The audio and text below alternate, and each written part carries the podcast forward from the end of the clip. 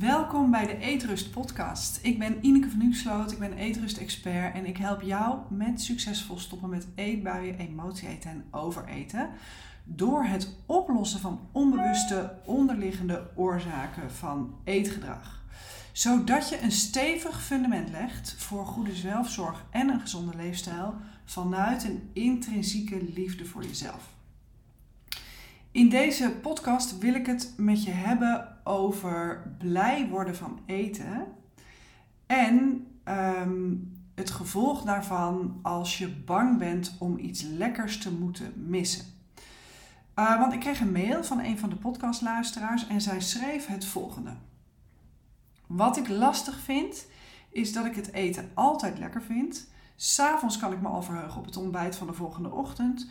Of als ik weet dat ik ergens bijvoorbeeld een lekkere lunch ga krijgen, dan verheug ik me daar al op.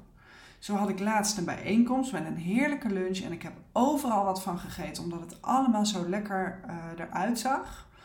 En ik zat aan tafel met een bord vol lekkere dingen, bang dat ik al het lekkers moest missen. Maar wel als enige met zo'n flink bord vol. En dat vond ik niet fijn. Dus als ik dit even samenvat, dan gaat dit eigenlijk over een aantal dingen. Dat is één, je verheugen op eten. Twee, uh, bang om al het lekkers te moeten missen. En het gevolg daarvan is dat je dus met een flink bord vol zit en dat je daar een niet fijn gevoel over hebt. Nou, ik begin even met je verheugen op eten. De vraag is: waarom is dat een probleem? Want um, besef ook dat je redelijk geconditioneerd bent, uh, waarschijnlijk, om iets van eten te vinden. Uh, dus uh, wat mij betreft is genieten van eten juist goed, want anders blijf je in die afzienmodus zitten. Uh, dus in de basis is genieten van eten helemaal prima en je verheugen op eten is helemaal geen probleem. Uh, waar volgens mij het probleem wel zit, uh, is dat je bang bent om iets lekkers te moeten missen. En daardoor dus maar uh, alles neemt en misschien ook wel te veel neemt. En als je je daar nou in herkent, hè, want, want degene die mij deze mail stuurt is hier niet uniek aan. En je wil hier iets in veranderen, dan is het goed om daar verder naar te kijken. Want wat gebeurt er dan als je eraan denkt dat je iets laat liggen of dat je iets niet proeft wat er wel lekker uitziet. En welke gedachten komen er dan in je op? En welk gevoel krijg je dan in je lijf? Want als je dat weet, dan kan je dat als aanwijzing gebruiken om te kijken hoe je dat kan veranderen. En um, ik wil toch nog even die conditionering aanhalen, want vergis je niet van de invloed van je conditionering. Hè? Dus je conditionering is hoe heb je geleerd om ergens naar te kijken. Wat is jouw normaal, zeg maar, op basis van de voorbeelden die je gehad hebt. Hè, dus bijvoorbeeld, hoe werd er bij jou thuis vroeger omgegaan met eten? Hoe werd er omgegaan uh, met diëten bijvoorbeeld? Was je moeder altijd aan de lijn? Um, was, hè, en, is dat je voorbeeld? Of uh, maakte je moeder uh, veel opmerkingen over zichzelf en misschien ook wel over jou. Of heb je in ieder geval van haar geleerd om, om, om jezelf te veroordelen, zeg maar. Hè? Uh, maar bijvoorbeeld ook welke overtuigingen leefden er bij jou thuis over eten. Hè, bijvoorbeeld eten weggooien is zonde. Of je krijgt alleen een toetje als je wel eerst je bord hebt leeggegeten.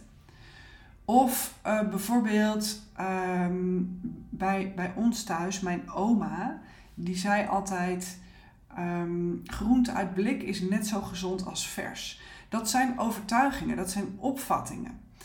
Um, dus het is goed om dat eens te bekijken voor jezelf. Hè? En uh, er zijn ook mensen die bijvoorbeeld standaard altijd voor meer mensen koken uh, dan, dan de mensen die aan tafel zitten, voor het geval dat. Hè? Want stel dat je visite krijgt en je hebt niks in huis. Dus die conditionering heeft ook heel veel invloed op je eetgedachten en op hoe je dus reageert op eten. Nou, een ander ding wat uh, belangrijk is en invloed heeft, is hoe kunnen of konden vroeger emoties geuit worden en in hoeverre werd er uh, voorzien in je behoeften. Was er ruimte voor negatieve emoties? Uh, hoe werd daarop gereageerd? En welke rol speelde eten bij het reguleren van emoties?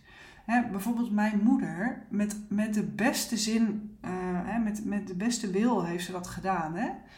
Uh, maar als ik gevallen was, dan kreeg ik een snoepje erop. Dus um, met andere woorden, het is heel belangrijk om te kijken welke rol je conditionering speelt in jouw eetgedachten, welke overtuigingen je allemaal hebt over eten en in hoeverre je behoeften vervuld zijn op een andere manier dan eten. Als je een vaste luisteraar bent, dan weet je al dat eten eh, in mijn opvatting heel vaak wordt gebruikt als compensatie.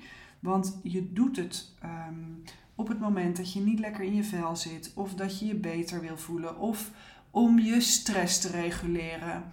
dus eten vertegenwoordigt iets. Ehm, daarom zeg ik ook, het eten is niet het probleem. Um, het vertegenwoordigt iets voor je. Uh, en je strategie is om dat met eten ofwel te willen afdekken, of tot rust te willen brengen, of iets te willen compenseren. Dus het is belangrijk om te kijken naar je conditionering en naar um, ja, in hoeverre dus aan je behoefte is voldaan. Hè? En um, de tijd komt er natuurlijk ook weer aan. Hè? De decembermaand staat voor de deur. Dat is voor heel veel mensen de tijd van lekker eten, van overvloed aan eten. Hè, misschien vier je Sinterklaas, en misschien kerst. Ik weet bijvoorbeeld van klanten uh, uit mijn eetrustprogramma dat die wel vier kerstdagen voor de boeg hebben, hè, door hoe de familie is samengesteld. Nou, ik kan me voorstellen dat je daar tegenop ziet als je gevoelig bent voor uh, bang zijn dat je wat lekkers moet missen. Zeker als er veel aanbod is, hè, zoals bijvoorbeeld bij een buffet of bij een uh, rijk gedekte tafel.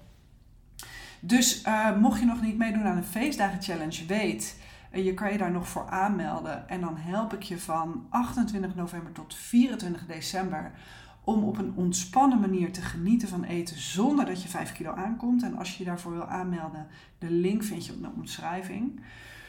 Um, maar weer even terug naar dat, dat lekkers moeten missen.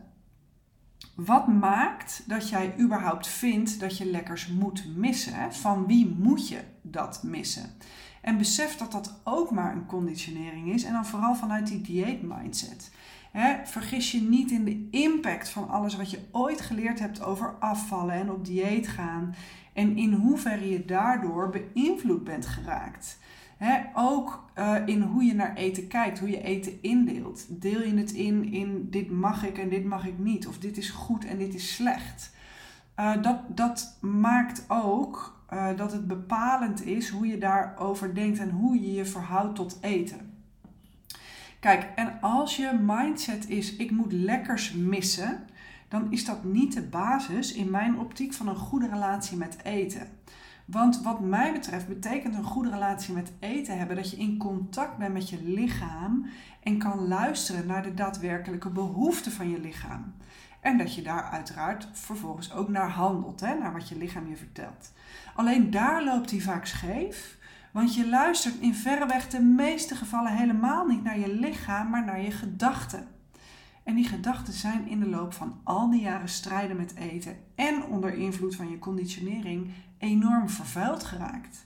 Dus je kan helemaal geen zuiver onderscheid meer maken tussen je gedachten en je behoeften dus als je zegt van ehm, ik wil leren om in bepaalde situaties de regie over mezelf te houden, in plaats van over mijn eigen grenzen gaan, dan heb je dus te werken aan die mindset.